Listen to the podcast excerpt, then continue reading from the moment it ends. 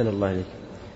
حدثني أبو الطاهر وحرملة بن يحيى التجيبي واللفظ لأبي طاهر قال حدثنا ابن وهب قال أخبرني يونس عن ابن شهاب عن حميد بن عبد الرحمن عن أبي هريرة رضي الله عنه أن رسول الله صلى الله عليه وسلم قال من أنفق زوجين في سبيل الله نودي في الجنة. يا عبد الله. هذا خير فمن كان من أهل الصلاة دعي من باب الصلاة. فمن كان من أهل الصلاة دعي من باب الصلاة ومن كان من أهل الجهاد دعي من باب الجهاد ومن كان من أهل الصدقة دعي من باب الصدقة ومن كان من أهل الصيام دعي من باب الريان. قال أبو بكر الصديق يا رسول الله ما على أحد يدعى من تلك الأبواب من ضرورة فهل يدعى؟ قال أبو بكر الصديق يا رسول الله ما على أحد يدعى من تلك الأبواب من ضرورة فهل يدعى أحد من تلك الأبواب كلها؟ قال رسول الله صلى الله عليه وسلم نعم وأرجو أن تكون منهم. قول من أنفق زوجين. المراد بالزوجين الصنفان صنفان كطعام ولباس ودراهم مثلا وفاكهة نوعين. طعام نوع واللباس نوع أو مثلا فاكهة ولحوم لحم نوعان. وقيل المراد بالزوج الشف والمطلوب تشفيع, تشفيع صدقة بأخرى مثل درهمين أو دينارين أو عبدين. أو بعيرين أو فرسين أو ثوبين.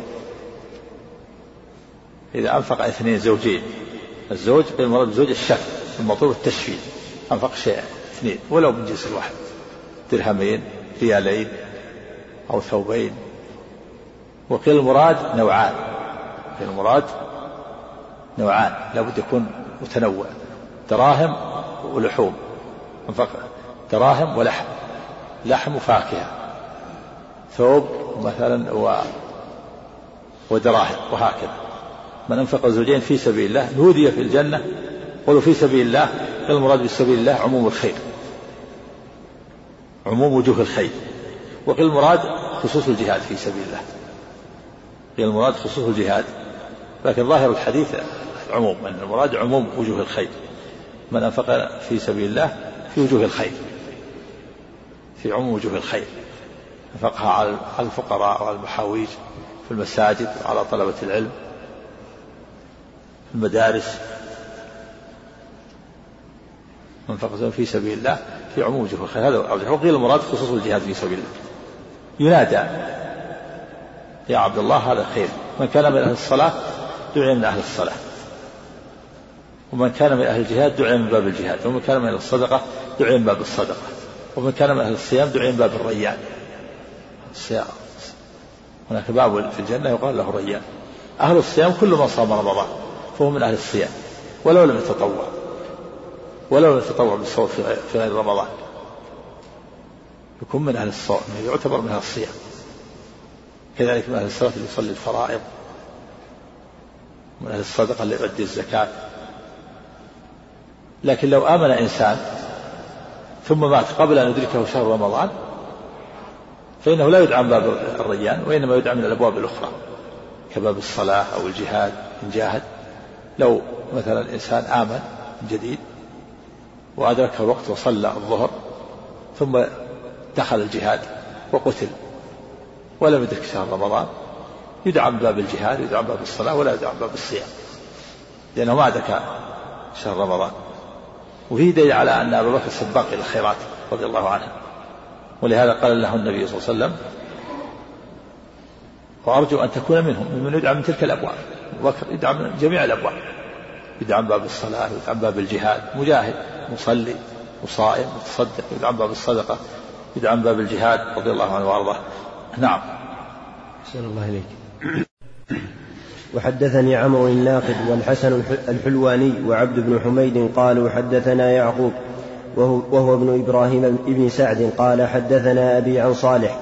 حاء وحدثنا عبد بن حميد قال حدثنا عبد الرزاق قال أخبرنا معمر كلاهما عن الزهري بإسناد يونس ومعنى حديثه. وحدثني محمد بن رافع قال حدثنا محمد بن عبد الله بن الزبير قال حدثنا شيبان. حاء وحدثني محمد بن حاتم واللفظ له قال حدثنا شبابة قال حدثني شيبان بن عبد الرحمن عن يحيى بن أبي كثير عن أبي سلمة بن عبد الرحمن أنه سمع أبا هريرة رضي الله عنه يقول قال رسول الله صلى الله عليه وسلم من أنفق زوجين في سبيل الله دعاه خزنة الجنة كل خزنة باب أي أي أي فل هلم فقال أبو بكر يا رسول الله ذاك الذي لا توى عليه قال رسول الله لا توى عليه. عفى الله عنك. فقال أبو بكر يا رسول الله ذاك الذي لا توى عليه. قال رسول الله صلى الله عليه وسلم إني لأرجو أن تكون منهم. نعم قوله فلو يعني أي فلان أي حرف نداء بمعنى ياء من حروف النداء. ونادي من تدعو بياء أو بآية أو همزة أو أي وإن شئت هيا. أي أي فلان يعني يا فلان أي فلو أي ترخيب أي أي فلان. ذلك الذي لا تهوى عليه يعني لا هلك عليه. وفي قول النبي إني دعوت أن تكون منهم هذا في فضل الصديق وأنه يدعى من جميع الأبواب رضي الله عنه. هذا ترخيب أسلوب عربي معروف. من ذلك قول النبي يا عائشة ترخيب يا عائشة. أي فلو. فلان ترخيب حذف اختصار الكلمة. هلم يعني تعال هلم دعاء. ادخل من هذا الباب. دعاه خزنة الجنة كل جنة دعاه خزنة الجنة كل خزنة باب أي فل. إذا كان من باب الصدقة دعوا خزنة. باب الصدقة. أي فلو هلم. يعني يا فلان ادخل. إذا كان من باب الصيام نداه خزنة. الباب أي فلو هلم يعني ادخل من هنا. نعم. عفى الله عنك. حدثنا ابن أبي عمر قال حدثنا مروان يعني الفزاري عن يزيد وهو ابن كيسان عن أبي حازم الأشجعي عن أبي هريرة رضي الله عنه قال في أنه لا. أن المدح القليل قد يعفى عنه بعض الأحيان إذا لم يخف على صاحبه الإعجاب. فالنبي مدح أبو بكر وأثنى عليه وقال أنه يدخل من أبواب الجنة كلها. لكن هذا شيء قليل لا يخشى عليه من الإعجاب وإلا فالمدح ممنوع مدح الكثير هذا هو الجمع النصوص التي فيها النهي عن المدح وإذا رأت المودحين فاحذوا في وجوههم التراب هذا المدح الكثير الذي يخشى على صاحبه من الإعجاب يعجب بنفسه. أما الشيء القليل يعفى عنه. قول النبي صلى الله عليه وسلم لأبي بكر أرجو أن تكون منهم. هذا ثناء نعم. عفى الله عنك. نعم.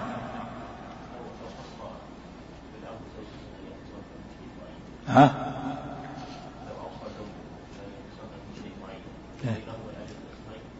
نعم. كل لا بينهما قسمان قسمان نصفان يعني قسمان كل واحد له أجر وأجر متفاوت.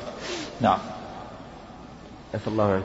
حدثنا ابن أبي عمر قال حدثنا مروان يعني الفزاري عن يزيد وهو ابن كيسان عن أبي حازم الأشعري عن أبي هريرة رضي الله عنه قال قال رسول الله صلى الله عليه وسلم من أصبح منكم اليوم صائما؟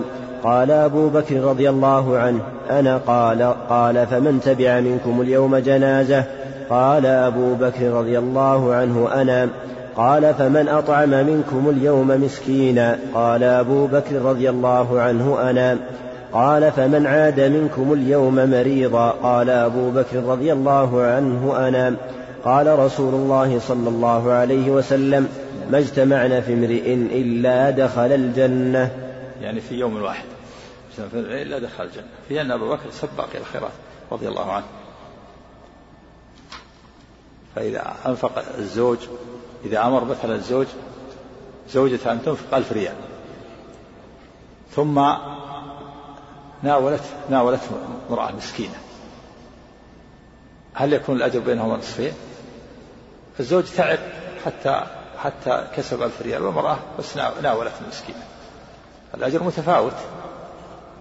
وقد يكون مثلا قد يكون أجر المتناول أكثر.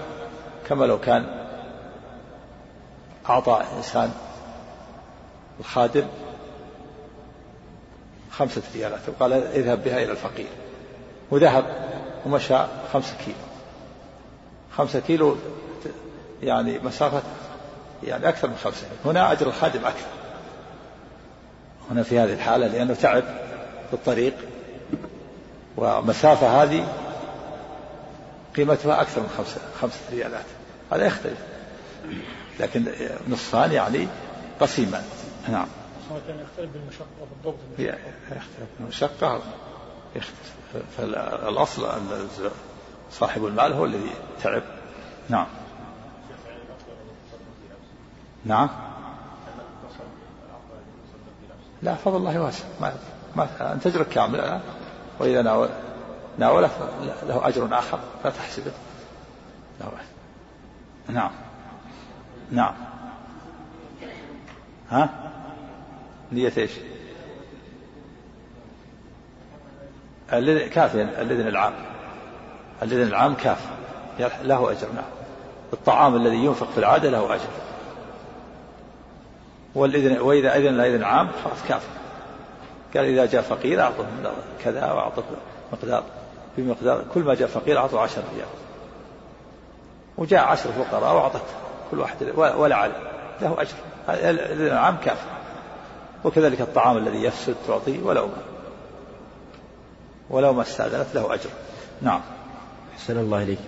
حدثنا أبو بكر بن أبي شيبة قال حدثنا حفص بن غياث عن هشام عن فاطمة بنت المنذر عن أسماء بنت أبي بكر رضي الله عنها قالت قال لي رسول الله صلى الله عليه وسلم أنفقي أو أنفحي أو أنضحي ولا تحصي فيحصي الله فيحصي الله عليك. أنفقي أو انضحي أو انفحي. نعم. ولا تحصي فيحصي الله عليك. هذا في حث على النفقة. وعدم الإحصاء. الإنسان يحصي يعني يمسك. ولهذا قال ولا توعي في اللفظ الآخر ولا توعي فيوعي الله عليك ولا تحصي. الإنسان يحصي ويعده ولا يريد أن ينقص منه شيء. هذا فيه الوعيد الشديد. فلا تحصي فيحصي الله عليك ولا توعي فيوعي الله عليك. نعم. أحسن الله عليك. وحدثنا عمرو الناقد وزهير بن حرب وإسحاق بن إبراهيم جميعا. عن أبي معاوية قال زهير حدثنا محمد بن خازم قال حدثنا هشام بن عروة عن عباد بن حمزة وعن فاطمة بنت المنذر عن أسماء رضي الله عنها قالت قال رسول الله صلى الله عليه وسلم أنفحي أو أنضحي أو أنفقي ولا تحصي فيحصي الله عليك. ولا توعي فيوعي الله عليك. وحدثنا ابن نمير قال حدثنا محمد بن بشر قال حدثنا هشام عن عباد بن حمزة عن أسماء عن أسماء رضي الله عنها أن النبي يعني ولا تمسك. نعم. عن أسماء رضي الله عنها أن النبي صلى الله عليه وسلم قال لها نحو حديثهم وحدثني محمد بن حاتم وحدثني محمد بن حاتم وهارون بن عبد الله قال حدثنا حجاج بن محمد قال قال ابن جريج قال أخبرني ابن أبي مليكة أن عباد بن عبد الله بن الزبير أخبره عن أسماء بنت أبي بكر رضي الله عنها أنها جاءت النبي صلى الله عليه وسلم فقالت يا نبي الله ليس لي شيء إلا ما أدخل علي الزبير فهل علي جناح أن أرضخ مما يدخل علي؟ فقال أرضخي ما استطعت ولا توعي فيوعي الله عليك. نعم وهذا محمول على ما أذن فيه الزوج عرفا أو نطقا إلا الطعام الذي يخشى عليه أن يفسد فإن تصدقوا به. ولا, ولا توعي يعني لا تدخره في الوعاء وتمسكيه فيوعي الله عليك. نعم. عفى الله عنك. وحدثنا يحيى بن يحيى قال أخبرنا الليث بن سعد حاء وحدثنا قتيبة بن سعيد قال حدثنا الليث. فهو محمول على أن على أن ما أعطاه الزبير ولا يكره الصدقة وأنه لا يكره الصدقة منه. نعم بل يرضى به على عادة غالب الناس. نعم. عفى الله عنك. وحدثنا يحيى بن يحيى قال أخبرنا الليث, الليث بن سعد وحدثنا يحيى بن يحيى قال أخبرنا الليث بن سعد حاء وحدثنا قتيبة بن سعيد قال حدثنا الليث عن سعيد بن أبي سعيد عن أبيه عن أبي هريرة رضي الله عنه أن رسول الله صلى الله عليه وسلم كان يقول يا نساء المسلمات لا تحقرن جارة لجارتها ولو ولو فرس نشاه نعم المعنى ولو شيء قليلا حث على الشيء القليل فالهدية بين الجيران والأقارب من أسباب الألفة والمحبة. ولو فرس نشاة معلوم أن فرس نشاة لا تهدى لكن المراد المبالغة في القليل. ولا تحصي فيحصي الله. لا يعني لا تعدي تعدي المال فيكون سببا في إبقائه. نعم. عفى الله عنك. حدثني زهير بن حرب ومحمد بن المثنى جميعا عن يحيى القطان. قال زهير حدث يعني الفرسان هو الظلف. معروف أن الظلف ما يهدى. لكن المراد المبالغة. ولو كان قليلا. نعم. الله عنك. حدثني زهير بن حرب ومحمد بن المثنى جميعا عن يحيى القطان. قال زهير حدثنا يحيى بن سعيد عن عبيد الله قال أخبرني خبيب بن عبد الرحمن عن حفص بن عاصم عن أبي هريرة رضي الله عنه عن النبي صلى الله عليه وسلم قال سبعة يظلهم الله في ظله يوم لا ظل إلا ظله. الإمام العادل وشاب نشا بعبادة الله عز وجل ورجل قلبه معلق في المساجد ورجلان تحابا في الله اجتمعا عليه وتفرقا عليه ورجل دعته امرأة ذات منصب وجمال فقال إني أخاف الله عز وجل ورجل تصدق بصدقة فأخفاها حتى لا تعلم شماله ما تنفق يمينه. ورجل ذكر الله خاليا ففاضت عيناه وحدثنا يحيى بن يحيى قال قرأت على مالك عن خبيب بن عبد الرحمن عن حفص بن عن عن حفص بن عاصم عن أبي سعيد الخدري أو عن أبي هريرة رضي الله عنه أنه قال قال رسول الله صلى الله عليه وسلم بمثل حديث عبيد الله وقال ورجل معلق بالمساجد إذا خرج منه حتى يعود إليه. نعم بارك وهذا الحديث قال هذا. وهذا الحديث حديث عظيم.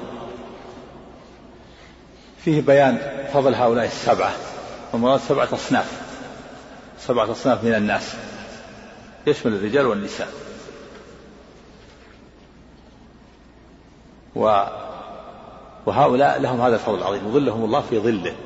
يوم لا ظل إلا ظله. وهذا الظل وصف لله يليق بجلاله كسائر الصفات لأن النبي صلى الله عليه وسلم أضافه إلى الله عز وجل. أما قول لو المراد ظل العرش فليس بظاهر كما جاء في حديث آخر لأن الحديث الآخر يختلف. فهذا والأصل أن ما أضيف إلى الله وصف له. والله أعلم ما بكيفيته. صفة, الله لا تكيف. بدأ بالإمام العادل الإمام العادل. بدأ بالإمام العادل لعموم نفعه وتعديه لأن الإمام العادل تصلح به البلاد والعباد. يقيم الله به الأمن وينتصف للمظلوم من الظالم وتؤمن به السبل ويؤخذ على يد السفيه وتقام الحدود بسببه فضله عظيم الإمام العادل ورجل قلبه معلق في المساجد. معلق في المساجد في الرواية الأخرى يقول إذا خرج منه حتى يعود إليه. المعنى أنه ليس المعنى أنه يجلس في المسجد ولا يخرج لا. المعنى أنه أنه يخرج إلى إلى الأسواق ويبيع ويشتري ويكسب له لكن عنده عناية بالصلاة. كما قال بعض السلف رجال لا تلهيهم تجارة ولا يبيعون عن ذكر الله. يعني أن قال بعض السلف كانوا يبيعون ويشترون لكن إذا سمع أحد حي على الصلاة حي على الفلاح وميزانه في يده خفض ميزانه وأقبل على الصلاة. يعني ينتظرها بقلبه. وإن لم يكن جالسا في المسجد مهتم عنده عناية. لا يتأخر عنها وهو قلبه معلق حتى يعود إليه بعنايته فإذا جاء الوقت جاءت الصلاة ترك جميع أعماله وأقبل على الصلاة. ورجل تحاب في الله اجتمع عليه وتفرق عليه. يعني اجتمع المحبة ليس بينهما لا لأجل النسب ولا لأجل الشراكة في مال ولا لأجل مصالح أخرى وإنما لأجل كل واحد حب الآخر ليكون مستقيم على طاعة الله. ولو كان هذا عربي وهذا عجمي أو هذا في المشرق وهذا في المغرب. كما أنه يبغض العاصي ولو كان أخاه لأبيه وأمه. هذا هو الحب في الله والبغض في الله. ورجل دعته امرأة ذات منصب وجمال فقال إني أخاف الله يعني دعته الفاحشة. فقال إني أخاف الله. ومثل المرأة إذا دعا رجل ذو منصب وجمال فقال إني أخاف الله. لا هذا الفضل. امرأة ذات منصب وجمال ودعته. لا, لا تحوجه إلى إلى الطلب. الفاسق يبحث يبحث عن المرأة وهذه امرأة دعته ثم أيضا جمال تغريه بجمالها وذات منصب حسب ونسب ودعته. وليس هناك مانع. فقال إني أخاف الله. قدم خوف الله. له هذا الفضل العظيم. ورجل تصدق بصدقة فأخفاها حتى لا تعلم يمينه وما تنفق شماله. هذا وهم من الناقلين. كما قال القاضي والصواب حتى لا تعلم شماله ما تنفق يمينه. التي تنفق اليمين ليست الشمال. قد رواه البخاري على على الصواب. حتى لا تعلم شماله ما تنفق يمينه. لتنفق اليمين لا الشمال. لكن هذا انقلاب انقلب على بعض الرواة. حتى لا تعلم يمينه ما تنفق شماله ولا يضر. كون في مسلم كون بعض الحروف حصل وهم ما يضر. هناك حروف حصلت في الصحيحين. بعض الأوهام ما, ما, ما تضر. ورجل ذكر الله خاليا ففاضت عيناه. ومثل المرأة إذا ذكرت الله خاليا ففاضت عيناه لا هذا هذا الحكم. يعني فاضت عيناه من خشية الله عز وجل. وهو الخالي ليس عنده أحد. بخلاف ما إذا كان عند الناس قد يكون رياء قد يكون هذا البكاء رياء. لكن إذا كان خاليا ليس عنده أحد ففاضت عيناه من خشية الله له هذا الفضل. أما إذا كان عند الناس فهذا قد قد يدخله الرياء. فهؤلاء لهم هذا الفضل العظيم. نسأل الله أن يجعلنا وإياكم منهم. وفق الله. صلى